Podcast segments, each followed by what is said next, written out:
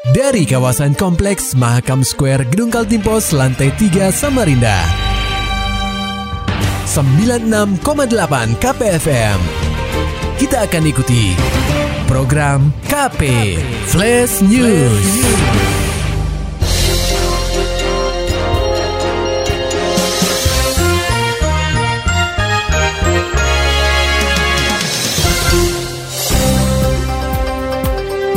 Pemkot berencana menyebarkan surat pemberitahuan relokasi warga di belakang pasar Segiri. Berikut laporan wartawan KPFM Samarinda, Maulani Alamin. Pendengar KP, berdasarkan data Kecamatan Samarinda Ulu, akan ada relokasi warga di 4 RT di Kelurahan Sidodadi, yaitu RT 26, 27, 28, dan 30.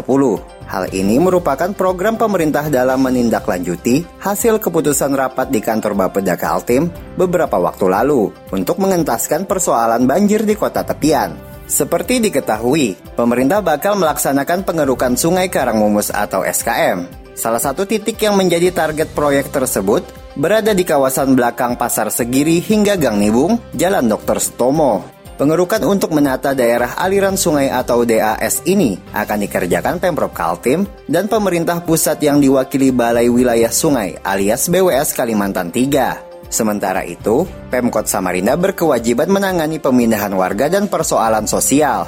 Camat Samarinda Ulu Muhammad Pahmi mengaku telah menerima surat pemberitahuan relokasi dari Bapeda Kota Samarinda.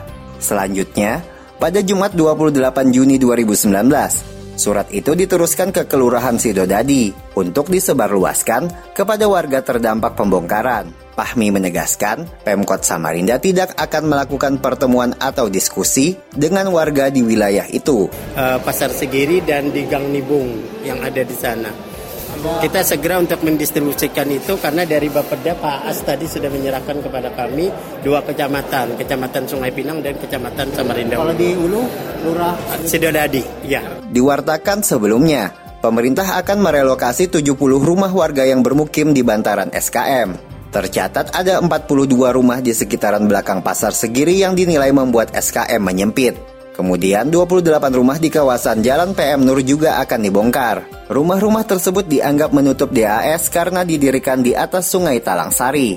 Pemprov Kaltim telah menyediakan dana sebesar 100 miliar rupiah guna merealisasikan proyek pengerukan SKM. KPFM Samarinda, Maulani Al-Amin melaporkan. Berita selanjutnya, DPRD Kota Samarinda menggelar rapat paripurna masa sidang 2 tahun 2019 di Gedung DPRD Samarinda Jalan Basuki Rahmat, Kamis 27 Juni 2019. Dalam rapat tersebut, para anggota dewan tertuju pada laporan hasil pemeriksaan Badan Pemeriksa Keuangan atau LHP BPKRI atas laporan keuangan Pemkot Samarinda tahun anggaran 2018. Kendati mendapat opini wajar tanpa pengecualian alias WTP, laporan tersebut masih meninggalkan masalah. Disebut ada sembilan temuan BPK mengenai sistem pengendalian keuangan internal Pemkot Samarinda. Rapat tersebut dipimpin langsung Wakil Ketua 2 DPRD Samarinda Ahmad Sukamto, didampingi Ketua DPRD Samarinda Alfat Syarif, dan unsur pimpinan lainnya serta dihadiri Wali Kota Samarinda Sari Jaang.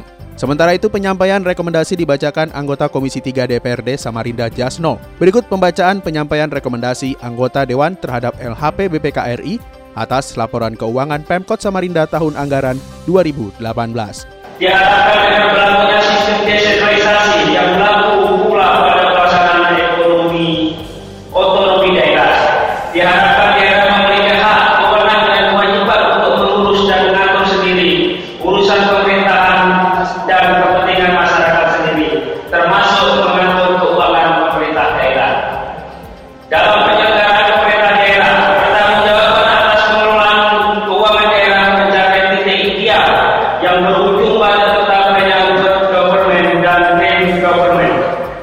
Untuk diinformasikan pada rapat sidang yang hanya dihadiri 21 anggota dewan itu sempat tak berjalan seperti biasanya. Lantaran pandangan fraksi-fraksi DPRD Samarinda tentang temuan LHP BPK RI itu disepakati tak dibacakan dan hanya disampaikan ke unsur pimpinan DPRD.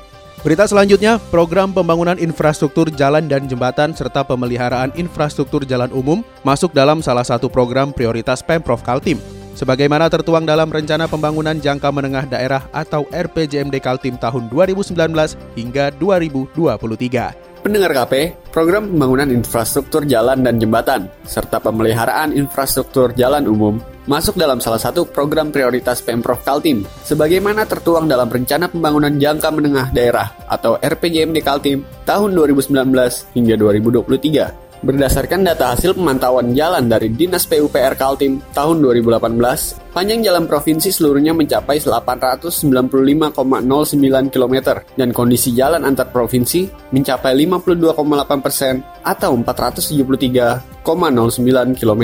Dari data tersebut dapat dirincikan bahwa kondisi jalan provinsi yang baik mencapai 52,5 persen atau sekitar 470,13 km kondisi rusak 0,33 persen atau 2,96 km, kondisi rusak ringan 32,18 persen atau 293,70 km, dan kondisi rusak berat mencapai 14,33 persen atau 128,24 km.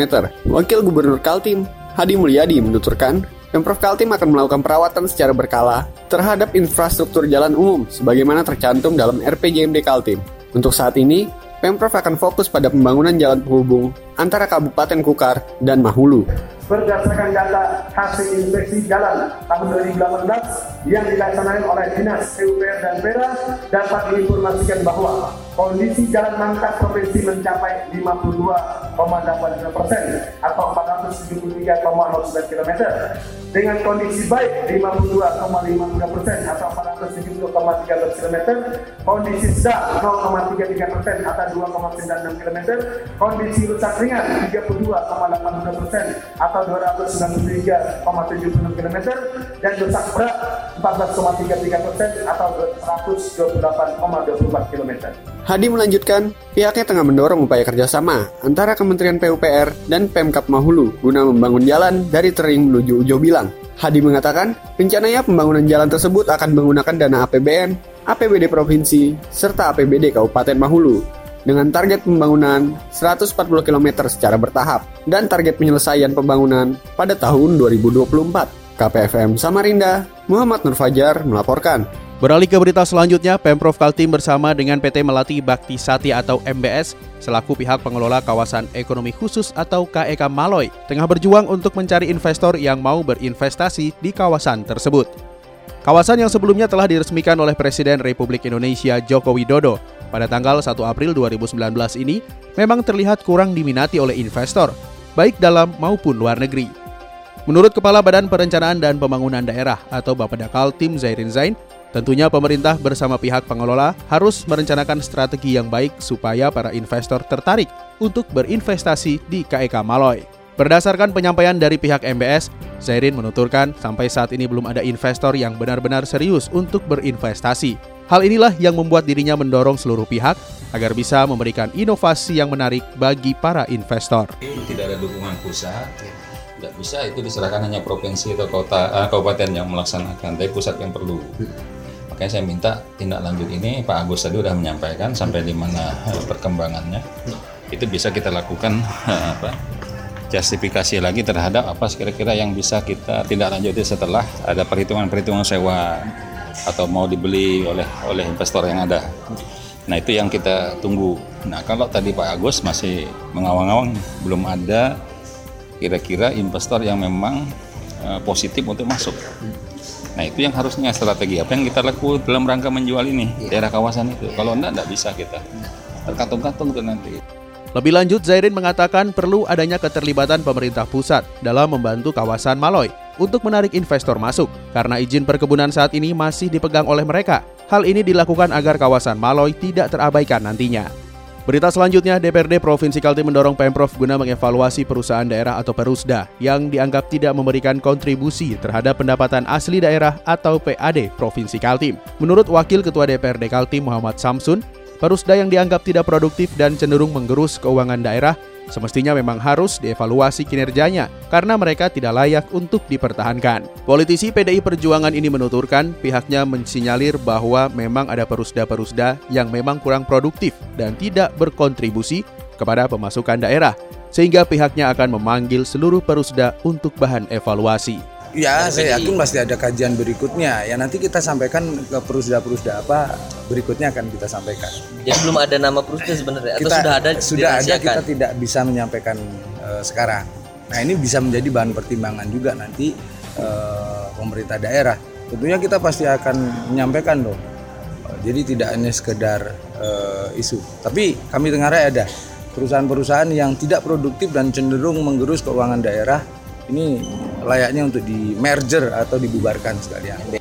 Jika memang terbukti bahwa perusda tersebut kurang produktif, Samsun mengatakan pihaknya akan menyampaikan kepada pemerintah daerah agar selanjutnya pemerintah memberikan pertimbangan apakah akan dimerger ataupun dibubarkan.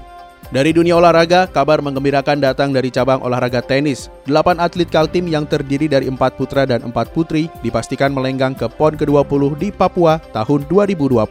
Para petenis terbaik benua etam tersebut berhasil meraih nilai tertinggi di peringkat nasional PLT atau PNP atas kejuaraan nasional yang diikuti atlet-atlet tersebut. Sekretaris Umum Pengprov Persatuan Lawn Tenis Indonesia atau PLT Kaltim Hermansyah menyebut para atlet Kaltim itu masih menjalani TC desentralisasi di sejumlah daerah, yakni Surabaya, Jakarta, Samarinda, dan Kutai Kartanegara.